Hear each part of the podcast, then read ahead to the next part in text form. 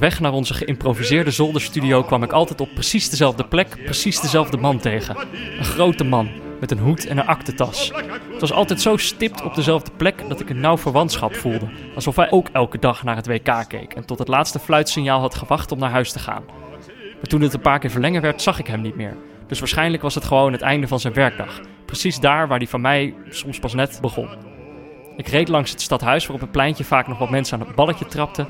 Dan moest ik nog een bruggetje over. En dan zag ik Jordi staan naast zijn scooter en dan hoorde ik Leon Lischner al zachtjes zingen. Maar vandaag op de fiets bedacht ik me opeens dat er geen late wedstrijden meer zijn. De troostfinale is om 4 uur, de finale om 5 uur. Ik ga die man met die hoed waarschijnlijk nooit meer zien. Hoor je die echo? Echo. Dat is het zwarte gat waar we na de finale in gaan verdwijnen.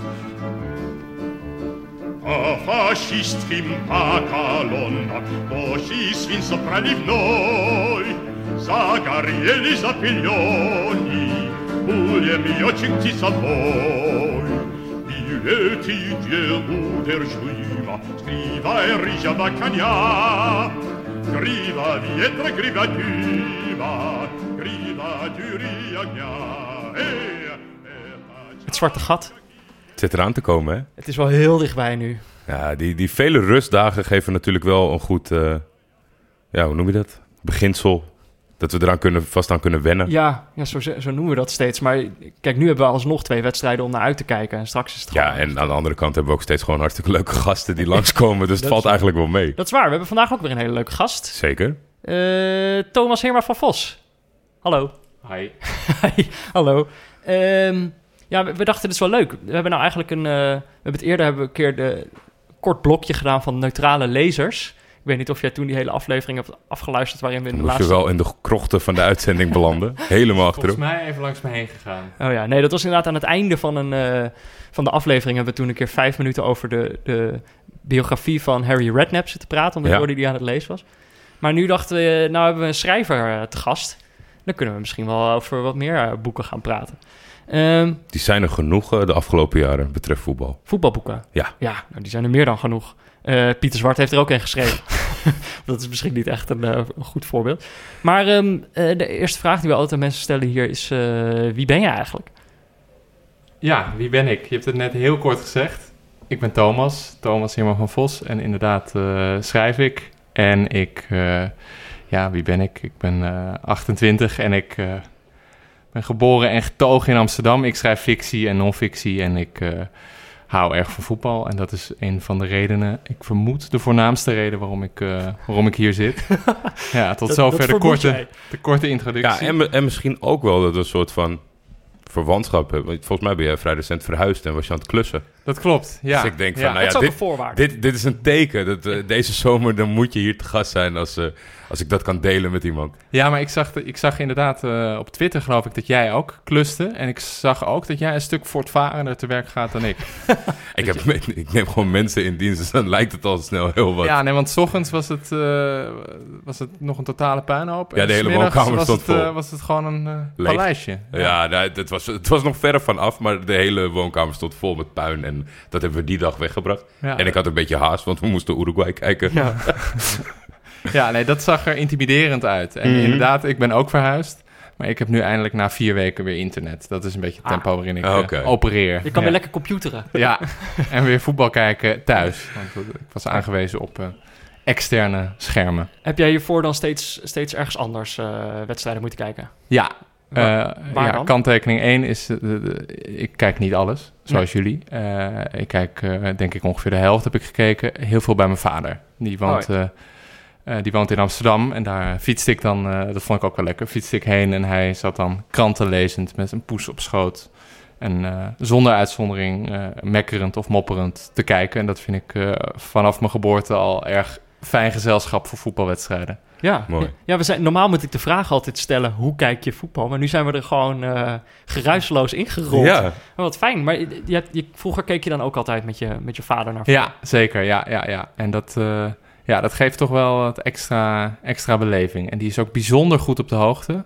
En die, eh, ja, die is ook een beetje van de oude stempel. Die koopt dan, een, eh, die koopt dan echt tijdschriften waarin alle spelers staan. Oh, en dan ja. zoekt hij steeds op als iemand een actie maakt waar die vandaan komt. Ja, een soort, eh, soort vergaand hobbyisme. En eh, hij vindt Nou, het een niet beetje eigenlijk wel de, de, de offline... eh, Eigenlijk hetzelfde wat de, de generatie nu doet, alleen dan offline. Ja, Even wel zeker. mooi. Want ja. ja.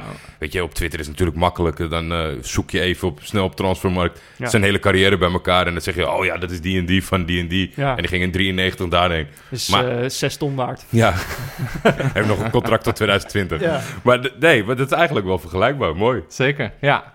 Wat leuk. Is een soort scout eigenlijk op de, op de bank. Ja, hij, hij claimt wel, gebruik. hij claimt wel ook, eh, zeker, wij kijken altijd Studio Sport. Ik ben daar ook elke zondagavond, eh, ook met mijn broer.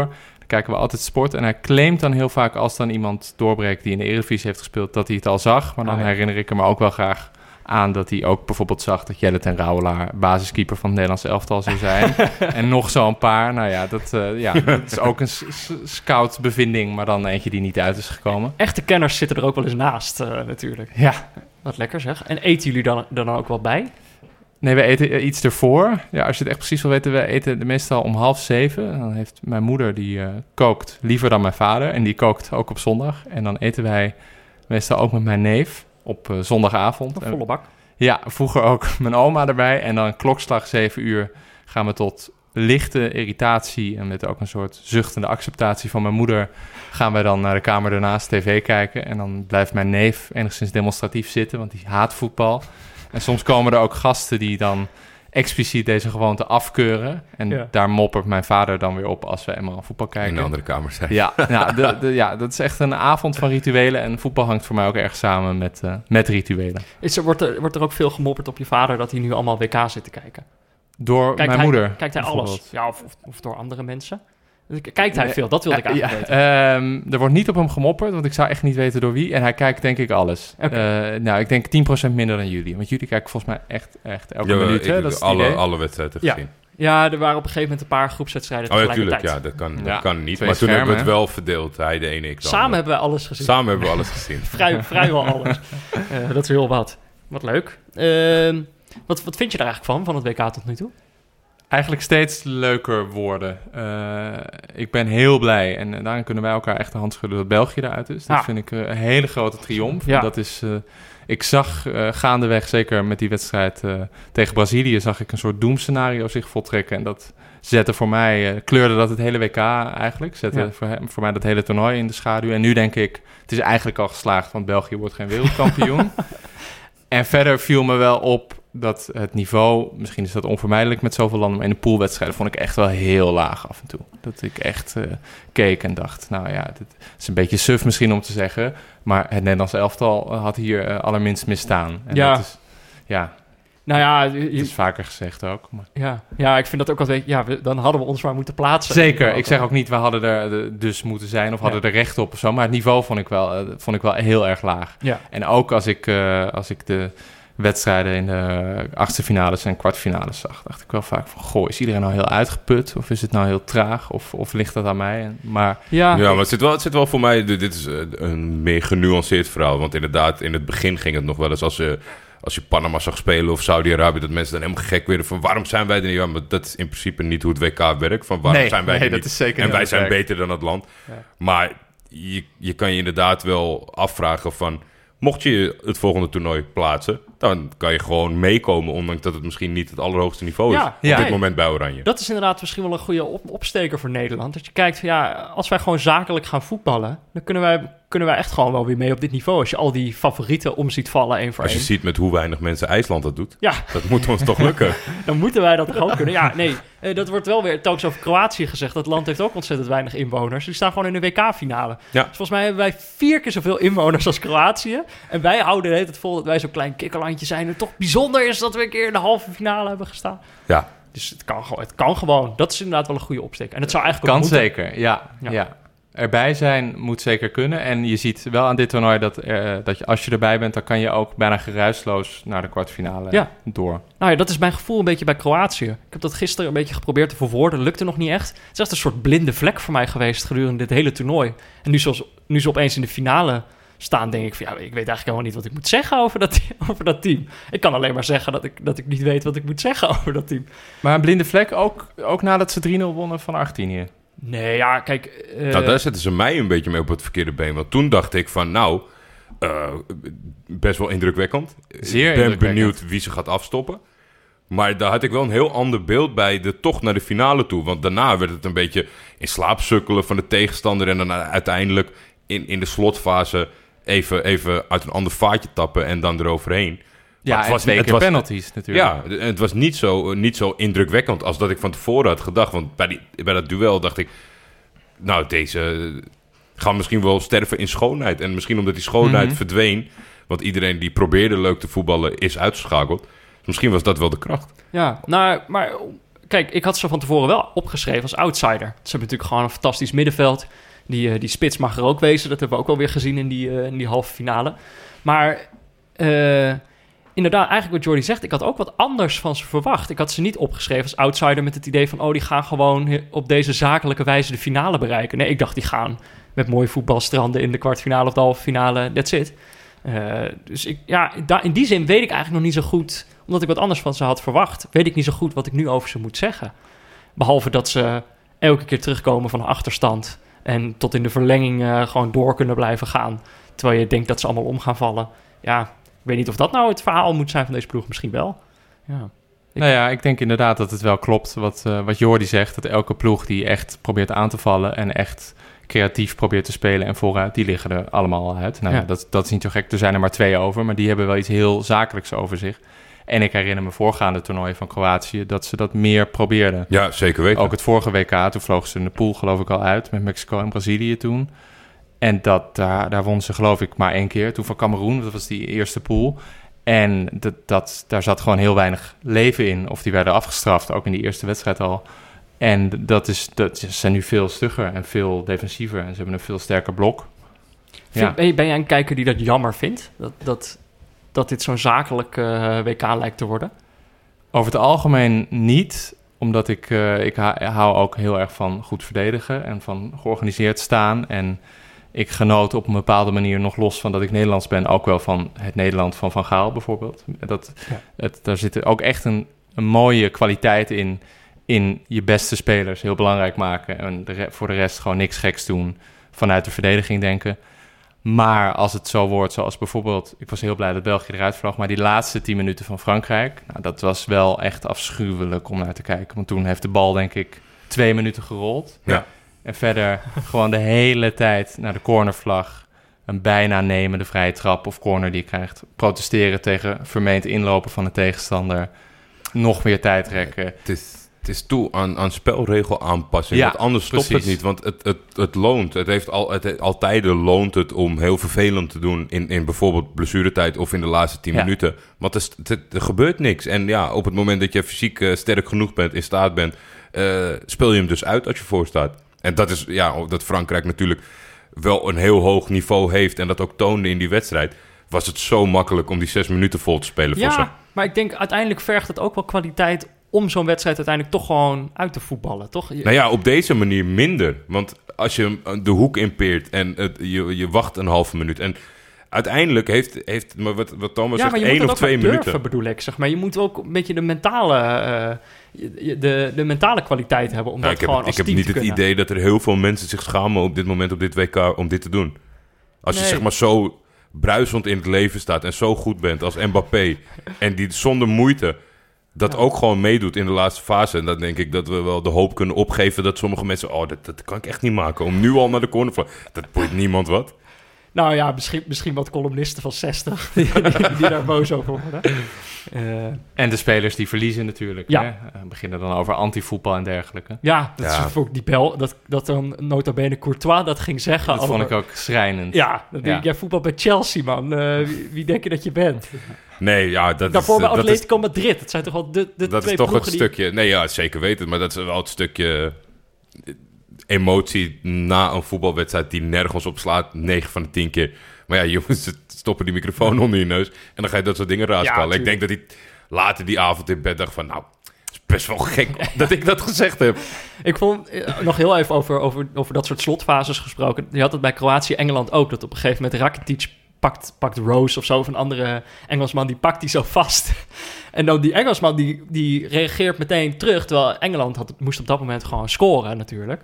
Maar die liet zich helemaal meeslepen, terwijl je zag wel van Rakitic was dat echt gewoon een bewuste keuze van ik ga nu die gast uh, proberen te intimideren en aanvallen. Ja, En uh, dat is wel de kwaliteit van sommige Stoïcijnse spelers, dat het dan nooit uitmaakt. En Messi bijvoorbeeld zou, mits het een gekke partij is tegen Real Madrid, altijd gewoon doorgaan of iemand hem naar een pootje haakt of niet, ja, als hij achter staat. Maar ja, over het algemeen eh, Ja. gaan spelers met de borst tegen elkaar staan en hou me niet tegen. ja. Maar, maar we hadden het er net over dat jij, jij vindt het dus niet per, se- niet per se heel erg dat, eh, eh, dat de ploegen zakelijk voetballen. Maar Nee. wat, is, wat is dan... Ik, dat betekent nog niet per se dat je er heel erg van houdt. Wat was nou echt een ploeg waar jij, eh, waar jij van hield? Wat, welke ploeg liet nou zien wat voor voetbalkijker Thomas is? Nou, dat zijn er niet zoveel geweest, dit toernooi. Niet zoveel waarvan ik echt dacht, dit, dit, dit blaast me onver. Nou, ik vond eigenlijk, en dat klinkt een beetje gek, want toen vloog ze uit Brazilië op den duur tegen België. Daar zat tenminste een soort leven in. En daarvan dacht ik, nou ja, voor zover je kan spreken van een ploeg die recht heeft op de halve finale, dacht ik daarvan. Die, eh, nou, die hebben wel de intentie om met veel aanvallende spelers echt ver vooruit te spelen. Dat is niet per se het soort voetbal waar ik het meest van hou. Eh, ik vond dan bijvoorbeeld ook, al was dat wel een soort ballon die op een gegeven moment een beetje lek was, eh, of in ieder geval leeg was, dat eh, bijvoorbeeld Zweden heel erg mooi eh, met het, het maximale eruit haalde. Ja. Ze speelden afs- afschuwelijk. Ja. Ik zie ook bij het, mooi, eh, het woord mooi nu ook een beetje in een... Totale verwarring. ja, totale verwarring schieten. Nee, de- de- daar hield ik op zich ook wel van. Hoe die bijvoorbeeld tegen Duitsland speelde. Of verloren ze dan op het laatst. Heel gegroepeerd. Heel erg vanuit een organisatie. En dat vond ik in dit toernooi aantrekkelijker dan de aanvallende ploegen. Ik weet dat jij een he hele hoge pet op had van Senegal. Ja, nou ja, vooral eh, ik dacht dat zij het gewoon eh, eh, een wonder zouden gaan neerzetten. Ik, ik weet niet of ik, of ik dat nog vol, vol zou houden na die drie wedstrijden die ze uiteindelijk hebben gespeeld. Of ze nou echt mooi voetbal speelden, maar ze hadden wel de potentie om, om wat moois te doen op dit toernooi. Maar ja, dat dacht ik van tevoren. Achteraf als je kijkt, waren zij gewoon misschien gewoon niet zakelijk genoeg. Om, Nee, maar dat was wel een ploeg die in ieder geval aanvallend wel wat probeerde. En er Ja. gebeurde ook wel wat, maar dat werkte gewoon net niet. Nee. En dat was naar mijn idee, maar corrigeer me als ik het eh, verkeerd heb, bij eigenlijk alle ploegen die echt aanvallend iets probeerden. Argentinië natuurlijk ook. Ja. Ja, dat, dat leek helemaal nergens op. Nee, ik, ik heb meer genoten van de verdedigingen dan van de aanvallen Hm. eh, dit hele toernooi. Oké. Ja, En zijn er nog spelers geweest die jouw hart hebben veroverd? Ehm, nou, die mijn hart hebben veroverd, dat weet ik niet. Maar ik was wel in de halve finale eh, Frankrijk-België echt ongelooflijk meer dan ooit onder de indruk van Varane en Umtiti Ja. samen. En ik, ook dat ze El Kopduel bijvoorbeeld wonnen van Lukaku, dat vond ik echt onvoorstelbaar. Ik wist wel dat ze beiden natuurlijk goed waren. Maar hoe die twee daar, nou ja, bijna hand in hand eh, elke bal wegwerkten. Toen dacht ik, dit, is, dit, zijn de verdediging, eh, dit zijn de verdedigers van de winnaar. Ja. En ehm, ja, dat is, klinkt nu ook bijna obligaat, maar iemand als Modric of zo, daar kan je natuurlijk ook niks tegen inbrengen. Nee, dat is, dat, da- daar ben ik toch ook dit toernooi weer op, opnieuw van onder de indruk. Eh, terwijl, dat is ook in mijn... je- we hebben hem natuurlijk ooit leren kennen en dat is ook alweer een best wel tijd geleden. Maar dan leer je hem kennen als, als een soort aanvallende middenvelder. Eh, een, een sierlijk spelertje, maar ik vind het Mhm. zo gaaf dat hij nu echt indruk maakt als gewoon iemand die, die, eh, die, die ballen opruimt en de Ja. ballen terugverovert. Ik vind dat eigenlijk het allervetste aan hem. En hij kan natuurlijk nog steeds fantastisch voetballen. Dat zie je ook als het even moet. Dan, eh, dan dribbelt hij er ook zo drie voorbij. Ik vond het mooi hoe het gisteren een beetje samenviel. Want eerder op, voor de wedstrijd eh, is toch iets waar ik het meest van onder de indruk... eh, Valda- Valdano, de voormalige speler van Real Madrid en eh, voetbaltrainer. Eh, die schrijft stukjes voor The Guardian, maar dat doet hij echt fantastisch. Deze zo. Ik denk dat het vertaald wordt, weet ik niet zeker. Maar die schreef heel mooi over hem. En het werd, het werd een soort van realiteit gedurende de wedstrijd. Van, Oh ja. het, het, het was al dat je wist wat hij bedoelde. Maar het was Mhm. een mooie vooraankondiging dat het ook nog die avond zo uitpakt, het spel Ja, hoe hij als een van de weinigen dat je altijd, zeker naarmate dat het allemaal van die meer machines worden, loopwonderen, dat allemaal wat houterig overkomt, maar dat hij zeg maar opendraait in dat het, dat het lijkt alsof het hoort. Al zijn bewegingen lijkt alsof het natuurlijk is en of het hoort. ja. Puur en alleen al hoe die beweegt. En dat, is- ja, dat is wel een, een hele fijne speler om naar, naar te kijken. En toch ook wel iets meer nog voetbal erin dan dat Pirlo bijvoorbeeld op het eind van zijn carrière bewonderd werd. maar die eigenlijk geen stap meer zetten. Hij zet er ook nog eens Ja, heel ja. veel stappen bij. Heel Ja. veel. Heel Ja. veel stappen bij. Ja, dat klopt. Ehm, zullen we even wat... eh, We hebben nog wat rectificaties. Zullen we die even doen? Ja, Er zijn, het zijn er wat. Eh, het, zijn, het zijn ook weer niet hele grote, toch? Of wel? Nou ja. Volgens mij heb je ook nog wel een stukje beleving. Want volgens mij zitten er nu een paar luisteraars die denken van... Ja, ik luister helemaal niet om dat voetbal. Moet je niet heel snel nog even je dag doornemen? Want je bent gisteren ook nog iets cruciaals vergeten. Oh ja. Ja, je wil, het, je wil voordat we gaan rectificeren eerst nog even over dat soort dingen hebben. Ja, ja in ieder geval moet, eh, moet je even wat vertellen. Want dat, dat kan je niet langer voor je Nee. Gisteren balend liep je hier weg van... Ik ben het gewoon vergeten. Ja, dat ben je eigenlijk heel gek. Maar dat- ik ben dat gisteren inderdaad vergeten te vertellen. Maar Vertel maar. eh, ik, eh, ik heb de, de buurmanpool gewonnen. Gefeliciteerd. De WK-pool van mijn familie staat op mijn naam. Eh, het is nou, ja, er moeten natuurlijk gewoon nog twee wedstrijden gespeeld worden. Maar het is zo dat, dat ik eh, niet meer ingehaald kan worden. Eh, ik heb gewoon te, een te Hoe groot ging oom Paul om met het verlies? Ja, niet zo, niet zo goed. Nee, dat dacht ik al.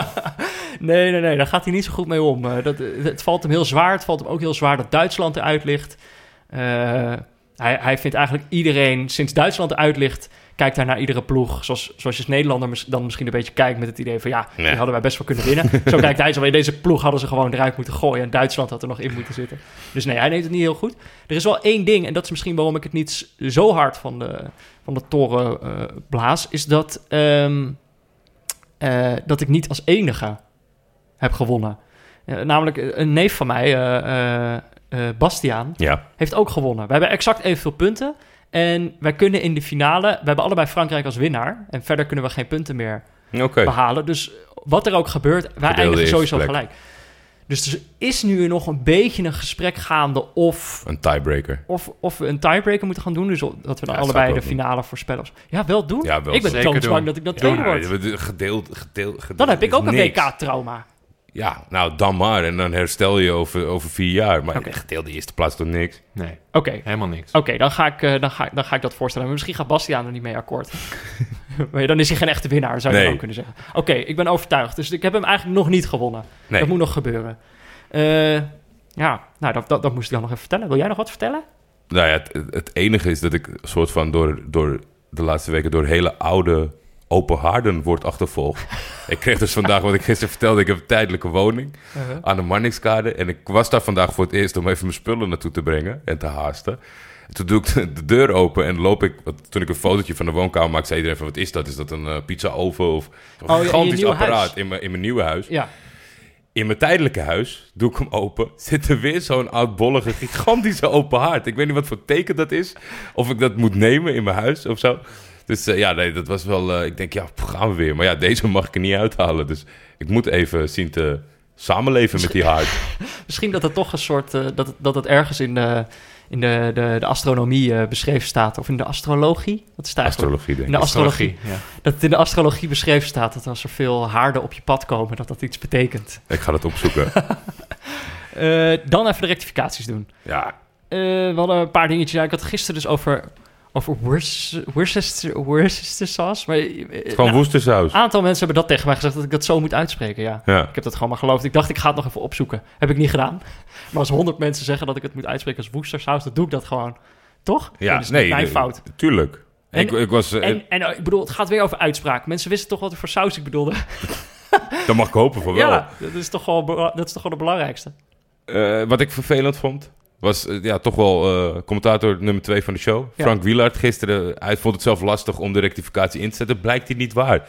Ja, Sommigen vinden het niet mooi, sommigen vinden het wel mooi. Maar taaladvies zegt het mag. De Oekraïne. Taaladvies zegt dat het mag. En dat is, dat is officiële Is dat betrouwbaar? is de officiële taalsponsor van de show. Weet ik niet. Is dat betrouwbaar? Ik kreeg hem een paar keer in mijn mentions. De Oekraïne. Nee, Thomas, Thomas heeft geen mening. Die gaat zijn vingers hier niet aan branden. Ik heb geen idee. Nee. De Oekraïne. Nou ja, de- van mij mag het ook wel hoor. Iedereen weet toch wat je bedoelt? Ze weten toch Zo, ook welk zo, ja, nee, zo komen we ook mee weg. Wel een belangrijke was dat wij een soort beetje schouderophalend van... ze zullen wel weer een, een speler van het toernooi kiezen van het land wat uiteindelijk wint. Ja, En dat, maar eh Julian van Wessem vertelde dat de FIFA kiest voor de finale de beste speler. Want de jury... Voor moet de op- finale, Ja, ja. voor de finale. Die moet op zaterdag al bekend zijn. Dus het is gewoon goed inschatten van de juryleden altijd wie er gaat winnen. Want het, heel vaak, ja, er zijn wat uitzonderingen. Maar over het algemeen is het wel speler van de uiteindelijke Wie winnaar. zullen ze nou dan gaan kiezen, denk je?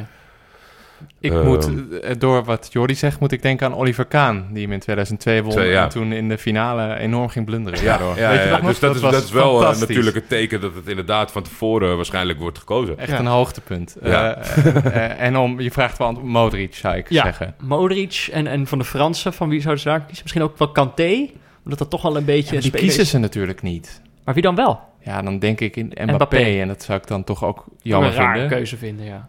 Die gaat Ja, ooit nog wel winnen. Kanté is toch niet iemand die dan als FIFA bekroont tot Nee. speler van het toernooi. Nee, maar het is wel ja. precies Jammer genoeg. voor het soort toernooi dat het is. Ja, zeker. Ja, ik zou het ook eh, heel eh, terecht vinden of heel prijzenswaardig, of hoe je Ja. dat ook noemt. Ja. Maar dat gaat niet gebeuren. Nee, ik denk ook wel eh, Modric of Mbappé. Ja. Nou, dat is het. Modric zou gewaagd zijn van ze. Ja. Dat is dan toch dat ze misschien stiekem rekening houden met een overwinning van de Kroaten. Ja, nou, we gaan het zien. Wij gaan, wij gaan ook morgen gaan we kijken of, of we een eh, speler van het toernooi kunnen uitkiezen, toch? Eh, zien dan al allemaal wel wat we allemaal uit gaan kiezen. Verder, eh, nog één dingetje. Dat ging over die... We hadden toen over Frank Snoeks, dat hij het aan het praten was over dat Engeland had afgetrapt na die goal van Kroatië. Dat die Kroaten allemaal nog een... Ik heb vandaag de beelden gezien, want er loopt wel Ja. een cameraatje. Ik heb het ook gezien, En ja. dan zie je wel wat, wat je zegt, dat, waar we het net over hadden, dat spelers geen schaamte kennen om de cornervlag op te zoeken. Hier voelde je wel een beetje schaamte in dat moment van, gaan we dit echt doen? Ja. Oké, nou dat het gaan we grappigste is dat eh, Thomas Hoogeling stuurde die beelden naar ons. Hij zei van ja, als je dit ziet, dan snap je toch wel dat Frank Snoeks eh, daarover praat. Ja, Maar het allergrappigste aan die beelden is, dat zei Thomas Hoogeling ook. Rashford staat echt onmiddellijk buiten spel. Ze Ja, trappen dat, af en eh, die bal wordt naar voren geschoten. Dat zag ik ook voorbij komen, ja. Hoe Heel dom, zijn die Engelsen. maar het mag dus, het, het, het, het is een fabel Ja. en die is ineens gaan leven dit toernooi. Dat is de rectificatie, dat het dus helemaal niet... Het mag helemaal niet. Het mag helemaal niet, maar iemand suggereerde dat ook ploegen erin zijn getrapt. Dat het een soort fabeltje is dat is gaan leven van... je mag nu aftrappen als alle spelers buiten de lijnen... alle veldspelers Ja. buiten de lijnen staan. Dat is dus gewoon helemaal niet zo. Maar we hebben het inderdaad dit toernooi al eerder gezien, dat Panama, zo, ja. ja. Dus, nou ja, ja, een fabeltje. Eh, ik weet, ik En dat niet- komt dus door dat juichen van Portugal. Waar toen één speler zo heel nadrukkelijk binnen ja, het veld binnen, de, binnen, moest binnen het blijven veld. Want staan. dat is ook steeds de foto bij al die Ja. artikelen. Dat, Dat er gewoon één- één ja, iemand iemand echt op de binnen lijn. Ja. En dat sloeg dus ook nergens op. Nee. was voor niks. Oké. Zo, Ja, die was allemaal voor niks. Ja. Fuck, Ja, of, daar. of hij ligt gewoon niet lekker in de groep. dat kan ook. Dat is ja, nou, Zo, ja, ik, ben er, ik sta wel in de buurt, ja. maar ik Want verder anders gaat de trainer weer zeuren. maar ik ga echt niet meejuichen. Ehm, nou, geen wedstrijd vandaag, maar natuurlijk wel een woordje van onze hoofdsponsor Kiks. Want mocht je nou denken, zo'n rustdag, niks voor mij. Geen zorgen, bij Kiks schrijf je namelijk makkelijk en snel in voor een training of toernooi bij jou in de buurt. Ik sta hier bij de velden van VV Spartaan. Kiks toernooi is net begonnen. Sorry Moussa dat ik je even uit je wedstrijdconcentratie haal. Maar jij, jij staat niet eh, binnen de lijn op dit moment. Ben je niet opgesteld? Nee, eh ga me pas erin gooien wanneer het nodig is. Oh ja, tuurlijk. Eerst even kijken of ze het zonder jou redden. En, eh, En dus ze hebben me nodig zo te zien. Ze hebben net een tegengoal gehad. Wat is, wat is jullie teamnaam? El Galacticos. Oh, jullie zijn de Galacticos. Ik heb er al zoveel over gehoord. Ja? Zeker. Een van jouw vrienden zei, Moussa, we gaan een eh, voetbaltoernooitje. hey, oh, paal. Paal. Een van jouw vrienden zei, eh, eh, kom, we gaan een toernooitje spelen. Een van de vrienden, die was eh, bekend met dit. Nou, nu zijn we er. En als ik eerlijk ben, is het eerste potje. Maar het ziet er leuk uit. Leuke organisatie. Het weer is mooi. Lekker. Dus eh eh, laagdrempelig, eh, drempelig, recreatief. Lekker. Heerlijk man. Nou, ik, eh, ik ga jou niet meer storen. Eh, je moet je team zo gaan redden. Zet hem op. Ik zal mijn best doen. Dankjewel. Succes.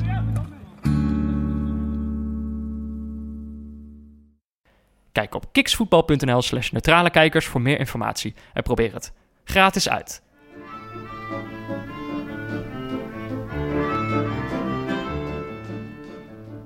Dan zijn we dan bij het blokje neutrale lezers. Neutrale lezers. Maar er hier is meteen al een conflict over begonnen. Want je, Ja, misschien heb ik... eh dat, zal- dat zal ik, ik, we hadden een gast bij FC Afkik, eh Marieke Derksen, ja, op de vrijdagmiddagborrel. En toen, zij is toen uitgever van eh, VI. van heel veel voetbalboeken, Ja. van heel veel bladzijdes. Ja. En toen... toen Alle voetbalboeken zo'n beetje komen, komen uit, van haar uitgeverij in Nederland, toch? in Nederlands wel, ja. Ja, ja. vrijwel alle. Ja. Ja. En toen dacht ik, meende ik opgemaakt misschien vanuit recensies of misschien vanuit tweetjes, dacht ik, eh, ik moet Thomas eens vragen voordat zij te gast komt van, heb jij misschien wat interessante, leuke vragen als, als schrijver zijnde voor dit onderwerp, ook omdat je van voetbal houdt. En daar kwamen een heleboel goede vragen, die ik ook letterlijk allemaal heb gebruikt. Weet je, meestal krijg je dan vijf vragen en denk je, oh, die is leuk, die is leuk. Maar ik heb ze allemaal gewoon gevraagd. Ja. En daar heb ik misschien een beetje verkeerd uit geïnterpreteerd dat jij eh, een bepaalde passie hebt voor voetbalbiografieën. Ja, in ieder geval dat bepaalde, dat heb jij denk ik groter gemaakt dan iets. Ja. Want ik, Ik dacht echt dat jij die versl... Ik had me door Jordi laten wijsmaken dat jij die verslond. Ja, ik hoorde het dus ook ineens eh gisteren bij jullie. Dacht ik, hè, gaat dit wel over mij? Want, eh, en, en ook waar komt dit vandaan? Want ja, ik heb wel een... eh, ik heb er wel enige ervaring mee en een, een kleine liefde voor, maar die is niet eh, alles overheersend. En ik heb zeker niet al die voetbalboeken gelezen. Nee, alsjeblieft niet. Jij, jij, Nee. s- jij schrok even. Jij dacht, ik Ja. heb een dubbel leven waar Ja, ik weet wat is dit? Welk fabeltje gaat er over mij, Maar- gaat er over mij rond? Kijk, ik kan in ieder geval zeggen, ik heb echt... Ik heb nul van die voetbalboeken gelezen. Nul? Echt nul. Echt? Ook slaat dan niet. Niks. Wauw. Ik heb niks gelezen van al die boeken. Dus wat dat betreft, jij zei net dat je er een paar hebt gelezen. Zeker, ja, ja, ja. Dan ik, weet je ik meer weet dan wel ik. iets. Ja. ja. Welk, welk heb je dan gelezen? Ik heb bijvoorbeeld laatst, ja, ik heb er vrij, toch wel, als ik het zo ga opzommen, lijkt het veel, eh, gelezen. Zie je wel. Nee, nee, nee, nee, nee, echt niet alle. Maar dan bijvoorbeeld voor Metro bespreek ik wel eens boeken. En dan leent een voetbalboek zich daar vaak ook goed voor. Ik heb bijvoorbeeld de biografie van Bas Nijhuis, heb ik eh, Oh, ja. van A tot Z gelezen. hoe was dat? eh, dat was eh, heel erg. Dat was heel slecht.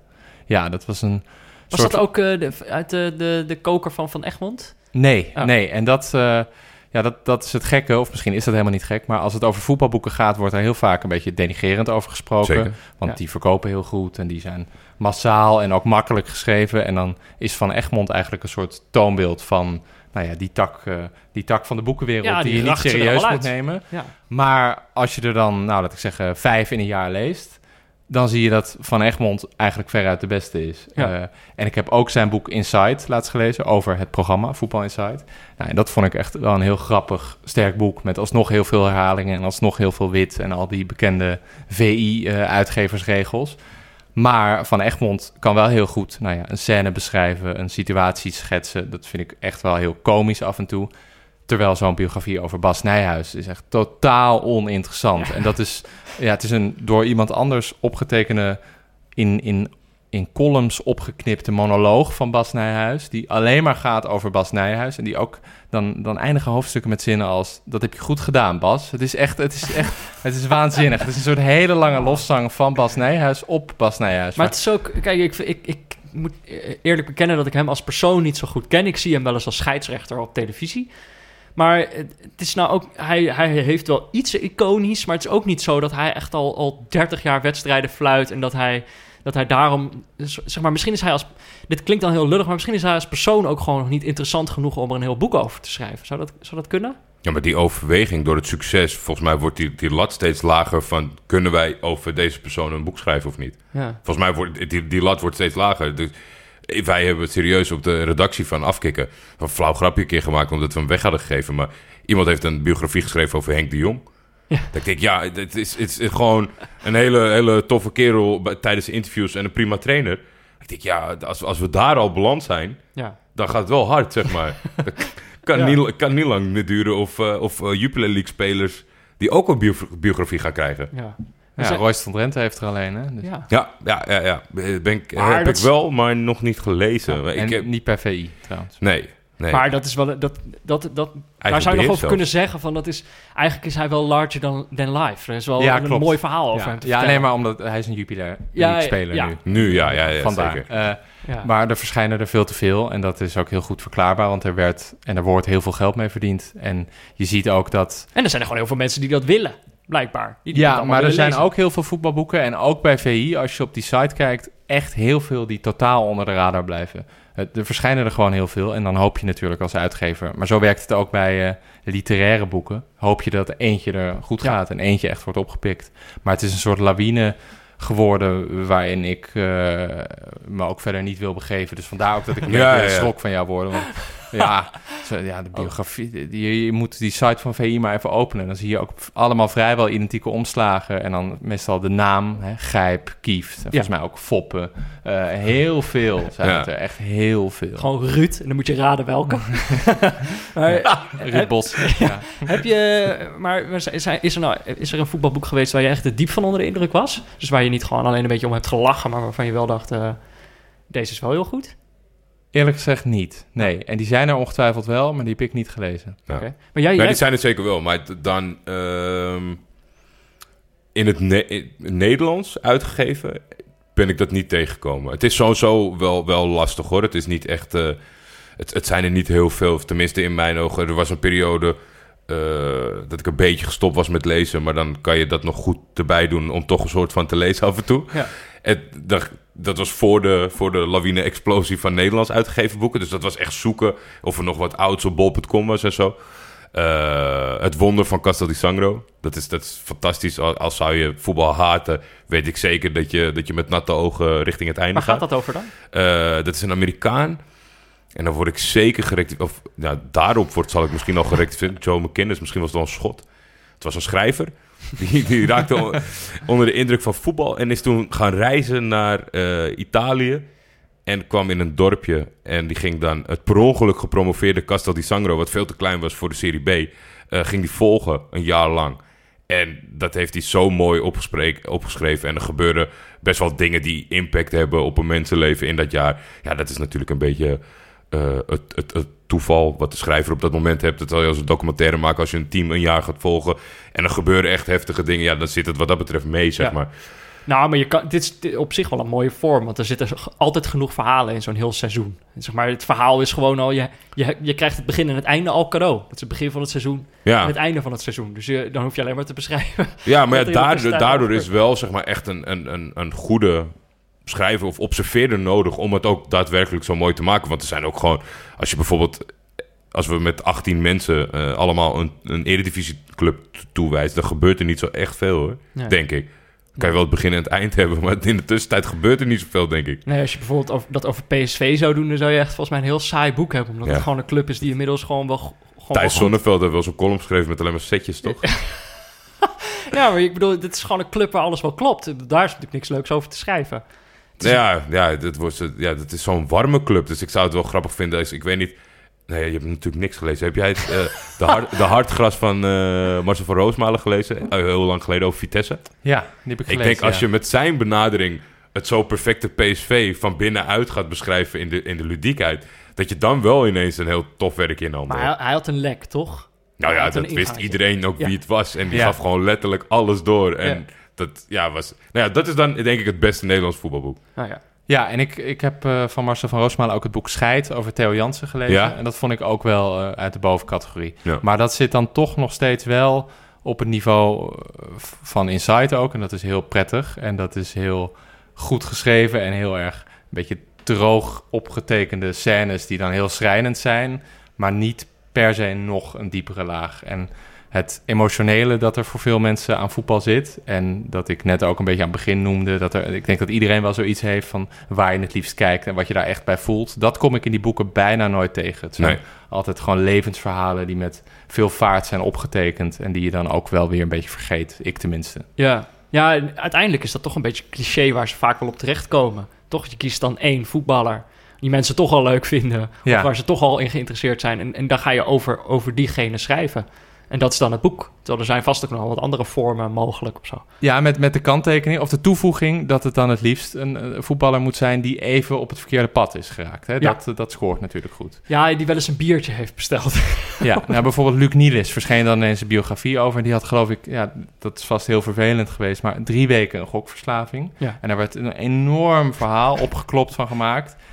En ik Drie las weken? daar... Even voor jou, even voor ons, want we hebben het allebei niet gelezen. Was het echt drie weken of Nee, dit was een een, ko- een korte periode of zo? Ongeveer, leven? ja. Eh, er was niet heel veel, eh, dat was ook het commentaar veelal op Ja. het boek. Er was niet heel veel echt heel heftigs Nee. levensveranderends gebeurd. Maar ik, ja, Je ik- zou natuurlijk het liefst een boek over hem, dan, dat, dat het vooral over de sport ook ging. Maar dan zoomen ze heel erg in op wat er allemaal misging Ja. in zijn... eh, Maar dat is Privé. toch... Maar dat snap je, want het Ja. is oh, zo, zo een fantastische carrière. En op het moment suprem, zeg maar, dat hij, dat hij naar het voetbal wil hallen, maar in vele breekt hij zijn been. Dat is toch volgens mij veel...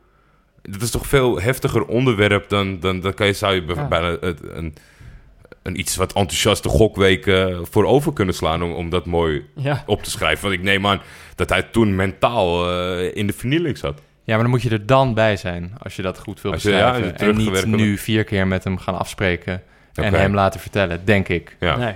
Nee, dat klopt. Maar, eh, oké, dus, maar als we dan vaststellen van... ook, je moet eigenlijk gewoon, eh, om een goed voetbalboek te schrijven... moet je eigenlijk dus iemand zoeken die, eh, die, eh, die, die mensen al kennen... die een beetje eh, een, een, eh, contact eh, is geweest met de zelfkant van het leven... En, daar, en, dan, en, en daar dan over schrijven. Maar zi- zijn er dan mensen waarover je denkt... daar is nog geen boek over geschreven? Daar zouden ze nog Maar dit zijn niet de criteria die ik het liefst tegenkom. Hè? Dit is meer vanuit een uitgever Ja, gedacht, wat ja, ja. scoort. Oké. Wat zou je zelf dan willen? Nou, ik heb, en daar heb ik het ook met Jordi al veelvuldig over gehad, bij afkicken ook wel eens gepleit. En die hoef ik helemaal niet te schrijven, maar voor de, bi- ah, de biografie, niet de autobiografie, liever niet zelfs, Nee. van Aad Mos. Oh ja. Eh, omdat ik daarvan denk, dat is iemand met een... Ja, nu, nu krijg ik die klus dan zeker niet, maar met een enorm bord voor zijn kop. En met een soort... eh, ja, ook wel echt een cultstatus. Het jammer is alleen dat hij zelf ook heel graag een cultstatus wil. En ik denk ook dat hij zelf heel graag een boek zou willen over zichzelf. En eigenlijk zou ik dus een boek willen dat gaat over het boek maken met iemand die heel graag een boek over Oh, zich wil. ja. En dat klinkt nu heel meta, maar ik denk dat dat wel zou kunnen. ja. En dat is dan eigenlijk een lange reportage. En als je kijkt naar, naar wat Aad dit WK ook weer allemaal heeft gepresteerd, dat, zal jullie, eh, dat is jullie zeker niet ontgaan. Nee. Bij die, bij die filmpjes vraag ik me dan ook zoveel dingen af. Van waarom dit decor? Zoekt hij dat echt uit? Wie filmt dat? Vraag ik me heel vaak Nou, af bij Aad. in het begin deed hij het zelf. Toen Ja, maar daar is hij, daar is hij vanaf. ja, precies. Ik denk dat hij al heel gauw merkte van ja, dat is toch niet, gaat niet heel lekker als je op zo'n strandstoel ligt met in je blote bast.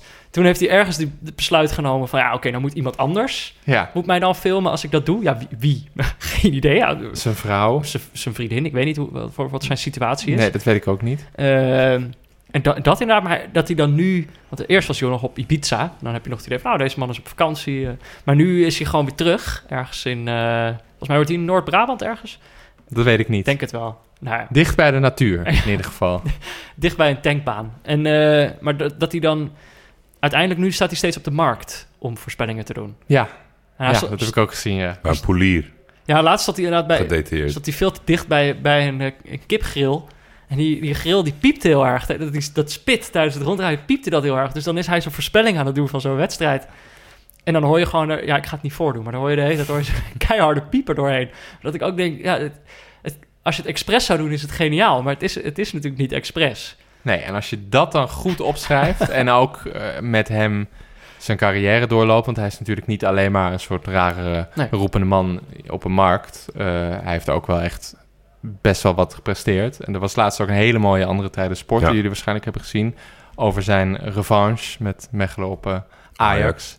Ja, dat, daar zit ook veel drama in en ook veel heroïek en ook veel een beetje vergane glorie op sommige punten en dan toch weer terugkomen.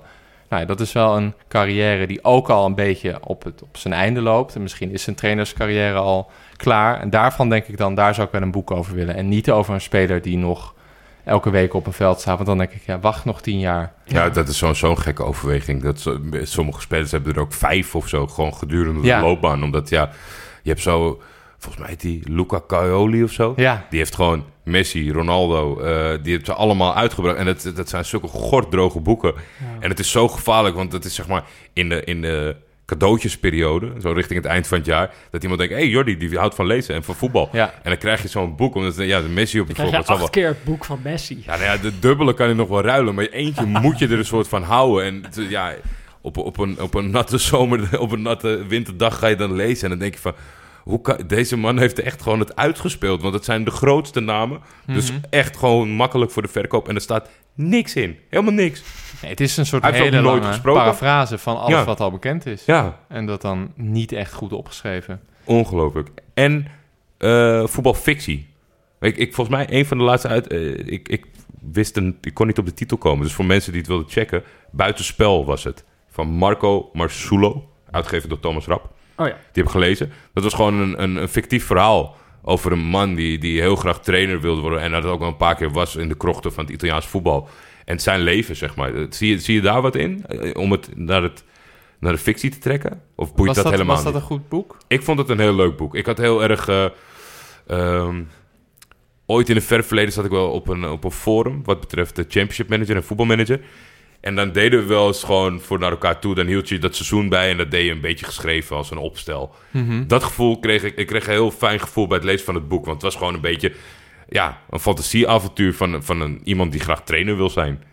Ja, ik zie daar potentieel zeker, zeker Ja. wel wat in. Eh, Het is niet iets waarvan ik nu denk, dat zou ik graag nee, maar qua interesse om te lezen. Ja, zeker wel. Als het goed wordt gedaan. En de, eh, er zitten ook, ook om amateurvoetbalteams. En misschien wel juist. eh, er zit eh, ook potentieel enorm drama. En eh, er zit een.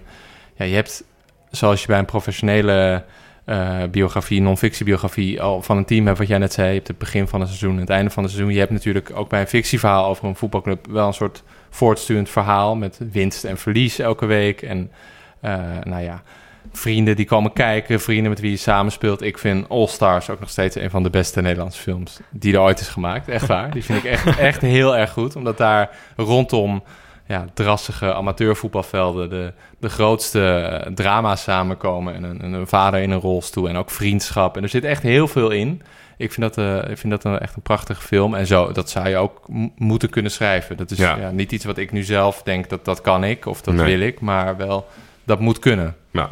Maar soms is het ook een beetje, dat heb ik nu in ieder geval met dit WK. Eigenlijk is het ook gewoon een beetje, het is eigenlijk al een verhaal als je ernaar zit te kijken. Maar. Dus soms heb je ook het idee van, het is gewoon een soort eh, live verhaal wat je dan aan het meemaken bent. En voor mij ook deze maand. Ik heb, ik heb zelf niet zo gek veel gedaan, zeg maar. Ik heb alleen maar een beetje gevolgd wat er dan op het speelschema van het WK staat. En, daar, daar, en dan s'avonds mag ik er een uurtje over praten met Jordi. En dat is dan zeg maar... Elk, je hoeft je geen zorgen te maken Ja, dat je de volgende dag iets hebt om over te praten. Want er wordt gewoon weer gevoetbald en dan staan er weer... Er gebeurt er wel weer wat. En, dus het is ook een beetje het, het, het, het verhaal op zich al. Ja, dat denk, dat denk ik wel. Maar het, het is natuurlijk ook eh, het is gewoon een, een makkelijk onderwerp. Omdat wij eh, kijken al die wedstrijden gescheiden. We komen hier samen aan dit tafeltje. En je zal praktisch nooit hetzelfde verhaal hebben. We zijn het wel met elkaar eens, maar je, je, je, je Ja. beleeft het zelf, die wedstrijd. Dus dat zit in ieders eigen wereldje is het, heeft er zich wat afgespeeld. Terwijl we feitelijk allemaal naar hetzelfde hebben gekeken. En dat is natuurlijk een prima ingrediënt. Ja. Terwijl ik tegelijkertijd, eh, om, om dan weer een beetje terug naar dit WK te trekken, ik dan toch denk, voor Neymar zie je, zijn waarschijnlijk ook al een paar van die gorddroge, zogenaamde biografieën eh, geschreven. Denk ik wel. Terwijl je Mhm. daar toch ook echt, eh, volgens mij wel iets heel moois over kan vertellen, over die jongen. Maar kom je nog dichtbij genoeg om echt een verhaal over Neymar Ja, te dat is de grote vraag. Ja, laat hij iemand echt dichtbij toe? Ja. En wil hij dan iets naar buiten brengen, behalve toch een soort trots of triomf, ja, die er nu niet echt was. Maar ik denk niet dat hij zich nu heel kwetsbaar gaat tonen. Luca Caioli heeft een, heeft een boek Nou. geschreven over Neymar. Grap. Dat is gewoon zijn werk, gewoon over, over Ja, bekende het is ook gewoon letterlijk dezelfde koffer, een zwarte achtergrond met een foto van het gezicht van Neymar. En het heet dan Neymar? Neymar. Ja. Steengoeie titel. Maar dat, dat doet overigens iedereen, want Ivan Moore heeft er een geschreven. Die heet ook Neymar. Nick Kello heeft er een geschreven, heet ook Neymar. Fantastisch. Ja, maar dit, ik, ik kan me inderdaad ook niet voorstellen dat ik, het nou, dat ik dat boek nou heel graag zou willen lezen. Terwijl ik hem wel... Je laat het wel steeds uit je handen vallen, heb ik gehoord. Terwijl ik wel denk dat het een, eh, een heel interessant persoon is, eigenlijk. Ja. Omdat, omdat ik hem gewoon niet snap als ik naar hem kijk. Ja, ik denk volgens mij, ik weet niet of een van jullie toevallig eh, de documentaires heeft gezien rondom de, het, de jeugdige Leonardo van, eh, van Feyenoord. Ja, lang geleden. Heel lang geleden, ja, ja. wel Iemand, gezien, ja. iemand die wist dat dat een groot talent was en dat Ja. het dan naar Nederland aan zat te komen. Zo iemand heeft ook een toevalstreffer gehad met Slatan om die jeugdjaren vast te leggen. Als je dat ziet, dan weet je dat misschien wel in het kwadraat zit dat er eigenlijk in bij Neymar. Maar ja, dat is, dat, is, dat is al geweest. En ik denk niet dat je dan nog terug kan keren met de multimiljonair die het is. Nee, precies. Dan worden het toch vaak een beetje cliché-verhalen.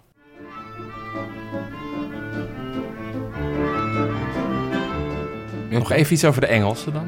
Ja? Ja, ik, heb niet, ik heb niet een soort nagekomen mededeling, maar ik, ja, jullie hebben het daar natuurlijk ook al over gehad naar aanleiding van gisteren, maar die waren zo triomfantelijk de afgelopen week, Engeland. En zo trots op niet echt goed spel. En de- de- nou, die hele hashtag die jullie natuurlijk ook hebben besproken, maar dat, dat, bijna het idee dat ze er recht op hadden en dat het nu terug naar zijn oorsprong kwam. Ja.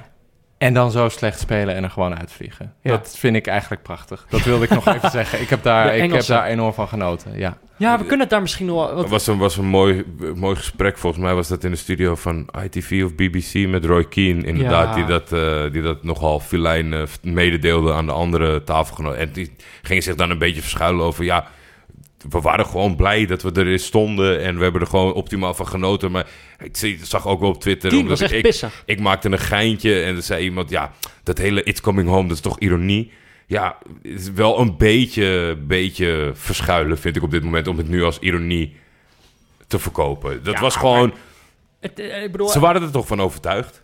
Ja, Ja, nou ja. eh, eh, eh, kijk, dat mag ik- ook best. Ik denk, Modric zei het ook. Die zei dat het zojuist had gemotiveerd dat die Engelsen zo arrogant waren geweest. En ik kan dat op zich wel, ik, ik geloof dat wel, dat dat helpt. Dat je, dat je, dat ploeg, dat je het veld opstapt en dat je denkt, die, die, klojo's denken dat ze al gewonnen hebben. Dat Ja, Kroatië is ook echt wel een ploeg die daar, wat daar goed op gaat. Als die jongens zeggen, hey, Ja. ze hebben de media al tien keer gezegd dat wij zijn moe en ze moeten zo meteen tegen Frankrijk. Dus laten we het maar even gaan zien. Ja. Ja, dat pakt even verkeerd uit. Ja, maar dat is inderdaad eh, ook wel... eh, het heeft wel iets tragisch. Want op zich zijn die Engelsen wel altijd goed in... in als we het dan toch over verhalen hebben... zij zijn altijd wel goed in er zo'n zo'n verhaal van maken... Mhm. en dat echt zo collectief beleven.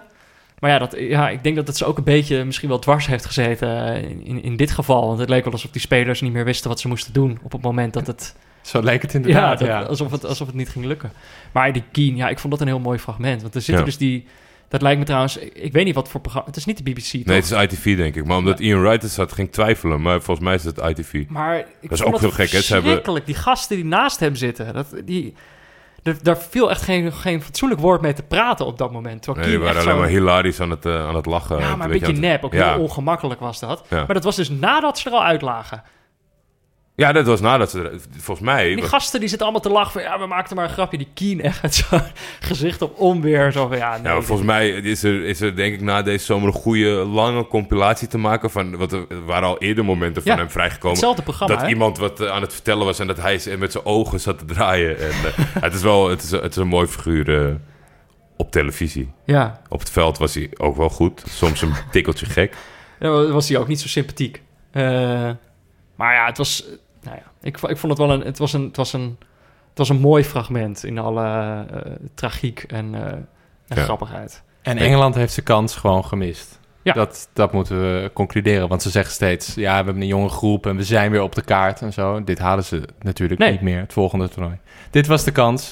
Ze hebben hem niet gepakt. Ja, ik las ook ergens, eh, daar stond er, eh, volgens mij was het op VI, daar staat dan eh, bij- Engeland overheerst vooral trots. Ik heb dat dan ook gelezen, dat ja. is, is toch gewoon niet waar? Dat geloof ik gewoon niet. Ik snap wel dat dat iets is wat ze tijdens een persconferentie zeggen of zo, maar dat is gewoon niet waar. Tuurlijk overheerst ja, geen is- trots. Die schaam, Het is, het, is wel, eh, het is wel een gekke gewaarwording. Want als ik daaraan denk... Dat dan met 2002, dan kan je nog steeds een beetje woedend worden om het spel van de Brazilianen, wat uiteindelijk Turkije in de weg staat voor de finale plaats. Maar dan is het zeg maar wel, als Turkije is het, zijn, is het wel gedoogd om daar trots mee te zijn. Aan de andere kant vinden we Engeland allemaal geen topfavoriet, want ze waren ook aan het, begin van het toernooi, moesten we het nog maar zien. Geen imposante selectie. Maar dan mogen ze nu eigenlijk van, van jou niet zeggen dat ze trots zijn op die halve finale plaats. Maar waarom niet? Omdat ze al zo bezig waren met die finale. Met die finale. Ja, Oké. Nee, dan mag je niet. Je mag niet zeg maar. De, de- Ja, dan terugkrabbelen. En, nee, oké. Je mag niet vier weken lang It's Coming Home zingen en dan zeggen... nee, maar we zijn ook wel blij dat we gewoon de halve finale hebben gehaald. Zeg maar, Nee, terwijl ze zo. dichtbij Ja. waren. Nee, dat, eh, dat mag van mij niet. Eh dankjewel dat je er was, Thomas. Leuk dat je, leuk dat je wilde aanschuiven. Ja, jammer dat, dat, dat Jordi jou... eh, Nou, het, is nu, het is nu rechtgezet en Ja. ik, ik, ik, weet het nu ook goed. Ik zal, het, niet meer, eh, ik zal je niet meer bestempelen als, als explosieve liefhebber. Maar nee, gewoon, ik ben eh, geen kenner in ieder nee, geval. nee, nee, nee, nee. Ja, maar zo moet je jezelf natuurlijk gewoon noemen. Dat hebben we, daar hebben we het eerder al over gehad. je moet gewoon zeggen dat je een kenner bent. Ja, ben dat-. Van dat- alles. Dat is me vaker opgevallen, ja. Maar dat eh, het voelt toch een beetje ongemakkelijk. Ja, nee, maar je weet het. Als we je over twee jaar eh, nog een keer uitnodigen... Dan, eh, dan verwachten we wel dat je dan eh, alle voetbalboeken gelezen hebt. Dan hebben we het er dan nog een keer over. Dat is goed. Eh, moeten, we wel, moeten we wel een vo- voorspelling voor de finale vastleggen, Thomas? Oh, dat is misschien wel Frankrijk of Kroatië? Ehm, Frankrijk, helaas. Staat Ja, genoteerd. staat genoteerd, Thomas. Nee, maar ik heb, nog, ik heb nog twee uitzendingen om Ja. over na te denken. Ik ga niet nu al. Wij, wij sparen hem nog even op. Wij kijken nog even eh, of er geen eh, spelers geblesseerd raken. of zo. Dankjewel, Thomas. Dank voor de uitnodiging. En eh, fijne finale nog. Groet aan je vader. Dankjewel. Joep. Nou, Thomas is vertrokken. Ja. Eh, we hebben ook geen Pieter Zwart vandaag. Het is, eh, Heeft ook weer een rustdag. Het is ook echt een rustdag vandaag. Weet je wel? Iedereen is gewoon lekker eh, buiten. Ik weet niet of mensen dat eh, konden horen. Buiten zijn mensen aan het borrelen, volgens mij. Ja, volgens mij ook. Lekker donderdagmiddag zonnetje. Ja, Nou het is, eh, mensen zijn echt lekker aan het rusten. Nog een beetje voor de finale. Ja, wij niet natuurlijk. Wij Wij zitten gaan hier altijd door. gaan altijd door. Ik heb gisteren vlak voor het einde van de uitzending nog even een nieuw blokje bedacht. Ja. Daar was jij niet heel blij mee dat ik bedacht dat luisteraars ook vragen in konden gaan sturen. Dat wij die dan zouden gaan beantwoorden. dat het allemaal verhuistips moest gaan geven van... eh, ja, ik zoek nog een aannemer. Weet jij een goeie? Eh, ik zoek nog een huis met een open haard. Weet je- ik ken er twee. Maar, maar er, er helemaal geen vragen over je verhuizing. Nee, gelukkig ook. hè. Oh, Top, top luisteraars. Waarschijnlijk omdat je dat gewoon zelf... Omdat ik alles al vertel. Er zijn geen vragen. Ja, of omdat je zei dat je dat niet wilde. Dat mensen dan toch een beetje bang zijn om dat te vragen. Oh, zo. Nee, dat was een grapje, mensen. Valt eigenlijk wel mee. We hadden de eerste vraag van Peter Zanting. Ja. Die vroeg, eh, niet kritisch bedoeld, maar uiteindelijk hebben jullie zeven mannelijke gasten gehad en één vrouw. Vrijwel al jullie andere oproepjes leverden keihard en glansrijk resultaat op. Bleek dit dan toch moeilijker dan gedacht? Ja, dit zijn inderdaad... Die oproepjes zijn meestal gewoon dingen die wij ter plekke bedenken. Dus dat Ja. zo, ja, Pieter Zwart heeft de jingle nodig. En dan een paar dagen later eh, lukt dat zomaar. En dit was ook iets wat wij eigenlijk gewoon tijdens de uitzending bedachten van... ja, wij moeten eigenlijk zelf gewoon vrouwen hebben. Ja. Zo moeilijk kan het niet zijn. Laten we dat gaan doen. Maar Peter merkt terecht op. We hebben er eentje gehad. Eh, zo hoog als wij toen... eh, zo, zo makkelijk als wij er toen over praten. Zo, zo, zo ziet het er op papier niet uit dat het zo nee, makkelijk is nee. geweest. Nou, toelichting. Dat was het, was, blijkt het moeilijker dan gedacht? Nee. Want we hebben het oproepje gedaan. Eh, Jill kwam, eh, dat was binnen 24 uur geregeld. Ja, ja Dus- die, was, die stuurde meteen een bericht. Ik kom wel. Super enthousiast. en dat waren, dat waren, dat waren nog meer gegadigden. Alleen moeten wij misschien een stukje hand in eigen boezem. We hebben het zelf op een gegeven moment verzonnen dat we de rustdagen met gasten gingen doen. Ja. Daar wil je toch eh, zo snel mogelijk duidelijkheid hebben en ook naar de mensen toe dat ze in hun agenda's kijken en dat soort dingen. Ja, En onze reflex is geweest om ander perspectief te zoeken, dus niet standaard, Ja. maar wel voetballiefhebbers. En daar gingen wij automatisch veel naar mannen toe. Ja. Zo goed als volledig. maar ik denk dat dat wel, wel laat zien. En inderdaad, praktisch gezien zouden wij zeggen... het is niet moeilijk, want we, we hadden er zo neer, meer neer Ja. kunnen zetten. Maar dat je wel merkt dat je eerste reflex Ja. is wel gewoon om dan eh, gewoon maar een man uit te nodigen. En omdat je dan gewoon al denkt, ah, joh, dit is, dat is goed. En voor je het weet heb je inderdaad gewoon zeven mannen neergezet en één vrouw. Maar een ander ding is ook nog, wat we ook hebben gehad... is mensen die zeggen van, nou, leuk dat oproepje. Eh, doe dat vooral. Maar ik, ik hoef er niet te zitten, want ik weet niet genoeg over voetbal. Ja, vrouwen naar aanleiding van ons oproepje. Ja. Nee, dat klopt inderdaad. Terwijl ik dan- Eh, Die, Ik, terwijl ik denk, ik zeg maar, ik, dus ik snap best, er zullen ook mannen zijn die liever niet eh, in, in een podcast willen zitten. Maar er zullen niet zo gauw mannen zijn die zullen denken, ik weet niet genoeg over voetbal. nee, Het is terwijl over voetbal praten, ja, ik bedoel, wij, als we iets hebben bewezen in deze podcast, is het dat je, of als ik iets, laat ik voor mezelf spreken, Jordi. Als ik iets heb bewezen, ja, hoef je er echt niet superveel ver- verstand van te hebben of zo. Maar ik snap, die, die voorzichtigheid is waarschijnlijk ook omdat ze dan het gevoel hebben van, het is misschien niet helemaal een, een, een eh, onze wereld of zo. Ja, oh zeker. Want, en eh, dat, dat, dat, straalt, dat straalt het voetbal natuurlijk ook uit. Ja, al, En- we hadden het er met Victor over, al die vrouwen die de hele tijd in, in, in beeld worden gebracht op de tribune. Ja. Eh, zeg maar, het is heel duidelijk een soort mannelijke blik waar je constant in zit. En als er dan ook nog eens vijf mannen over voetbal zitten te praten. Dus in die zin, zeg maar, is er wel een soort barrière. Dus in die zin is het wel moeilijk. Jij kwam met een tip eh naar aanleiding van deze vraag. Eh, een, een podcast eh, Volkskrant Geluid. Ja, Dat was met drie vrouwen over het WK. Na de groepsfase even de balans opmaken. ja, ja ik, ik zou zeggen leuk om terug te luisteren. Maar dat was dus inderdaad eerder in het WK. Dus Ja. dan lijkt het een beetje alsof... Ik heb het wel even opgezet vandaag. Ja, En oh, het ding is dat eh, Iris Koppen, Marije Randewijk en Rosa van Gol... Ja. had ik hier heel graag gewild. Maar ik, die zitten zo drie kwartier heerlijk over voetbal te praten. ja, echt heel natuurlijk, heel makkelijk en heel leuk om naar te luisteren. Ja. Het grootste probleem voor mij deze zomer was... ik had voor jouw tip niet van ze gehoord. Nee? Niet Nee. van Iris Koppen? Nee, maar dat ja, kan zijn dat Ja. ik geen Volkskrant Ah, zij was wel eh, echt- zij was-. Zij top geweest. Zij is inderdaad eh, journalist bij de Volkskrant. Maar zij, eh, zij, zij heeft ook dat boek geschreven over Levchenko onder andere. En ze weet ook veel over Rusland. Ja. Dus ik hoorde haar tijdens die podcast hoorde ik haar ook dingen over Rusland zeggen. En toen dacht ik ook van ja, shit, we hadden haar gewoon Ja. moeten benaderen. Ja, jij kent haar, dus het is jouw schuld. Ja, het schuif deze maar op mij af. Maar ik denk zeg maar grofweg om dan een beetje antwoord te geven op Peter Zanting. Ja, nee, nee, het is niet moeilijk. We hadden, we hadden eigenlijk gewoon 50-50 kunnen doen. Dat hadden we beter moeten doen. Maar aan de andere kant denk ik, dus het, het is nog wel, eh, zeg maar, het, de, het wereldje is zo, is zo mannelijk. Terwijl je gewoon eh, het liefste zou hebben dat het gesprek gewoon voor iedereen toegankelijk is. En dat vrouwen niet, eh, als ze naar voetbal kijken, het idee hebben dat het niet hun wereld is. Dus dat Ja. iedereen die er gewoon leuk over kan praten, dat die ook het idee heeft dat het gewoon maar kan. Dus dat het niet zo mannelijk lijkt allemaal. Nee, Nou ja, goed, wij, ja, wij zijn natuurlijk ook twee mannen. Zitten we weer. Nou ja, eh, EK 2000, eh, wat is het, 2020, dan eh, kunnen we... Jij onze- neemt, jij neemt gelijk een stapje vooruit op de volgende vraag. Dat is wel de meest gestelde vraag, maar mensen nemen daar alvast zo'n voorschotje op. Mensen willen weten of wij, of wij doorgaan naar dit WK. Ja, Jeroen Wiene en ik zag ook een, een tweet van Grincha, dat is Jarno op Twitter. Leuk. oh, ik dacht eh, de, de, Braziliaanse voetballer van Weleer. Ja, met Google Translate kom je een eind. ja. Nee, maar we hebben natuurlijk... Ik neem aan dat jij ook veelvuldig in je mentions... dat tussen alle leuke berichten door hebt zien komen. ja. Wat gaan jullie doen? Ja, of jullie moeten doorgaan. Ga gewoon over klussen praten en zo. Ja, dat is, ik, denk dat mensen... Een groot deel het liefst heeft, heeft dat ik gewoon een soort van eigen huis- en tuin podcast ga maken. Nee, maar laten we... Kijk, hier, we kunnen hier heel duidelijk over zijn. Eh, momenteel is onze aandacht volledig bij het toernooi. Klopt. Zolang het toernooi loopt, kunnen we eigenlijk geen uitspraken doen over wat hierna allemaal komt. Alles komt binnen bij ons. eh, er zijn misschien wel aanbiedingen, daar weten wij niks van. Daar zijn we ook niet mee bezig. Komt Die allemaal bij, bij onze eh, zaakwaarnemer. Tim en Anne van Dag en Nacht Media. Beetje de, de Mino Raiola van het Nederlandse podcastwereld eh, krijgt al die aanbiedingen binnen. En ja, weet je, we, kijken eerst dit, eh, we maken eerst dit WK af. Eh, dan gaan we even lekker op vakantie. En eh, daarna kijken we wel weer verder. En zien we wel wat we gaan doen. Ja, het is uiteindelijk toch een teamprestatie. Ik, natuurlijk is het leuk dat ik deze zomer veel gescoord heb.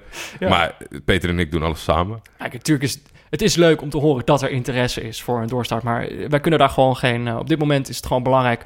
Onze aandacht moet gewoon zijn bij de troostfinale en de finale. We hebben gewoon nog contract tot deze zondag. Ja, nou goed, dan kunnen we nu de podcast afsluiten. Als je nog meer vragen hebt, eh, stuur ze vooral nog in, toch? Ja, als ze, als ze leuk zijn. eh, als, je, als je thuis denkt van... hey, dat is een leuke vraag. Typ hem in op Twitter. Ja, stuur gewoon naar mij Ja, door die op. eh, Vind ik echt leuk. ja, en morgen hebben we natuurlijk weer een rustdag. Dan komen de, de betrouwbare mannetjes komen langs. Jazeker. Belle en Simon. Dat wordt eh, één groot extravaganza. Dat denk ik ook, ja. ik, eh, ik, ik, ik, ik, ben zenuwachtiger, denk ik, dan voor de We troostfinale. maken er één groot circus We maken er één groot circus van. Eh, voor nu was dit Neutrale Kijkers, de WK-podcast van Jordi en mij in samenwerking met Dag en Nacht Media. Veel dank aan onze hoofdsponsor Kiks, aan Das Mag, de boekensponsor, aan Sebon, onze notensponsor. Ook aan Pieter Zwart, ook al was het dan een rustdag. Eh, aan Barry Pirovano voor de schitterende illustratie. En natuurlijk aan Leon Lischner en Friends voor het inzingen van de tune. Hij is overleden in 1995 voor Koosja. Ook nog bedankt aan Thomas, die hier niet meer aan tafel zit, maar die we wel heel dankbaar zijn.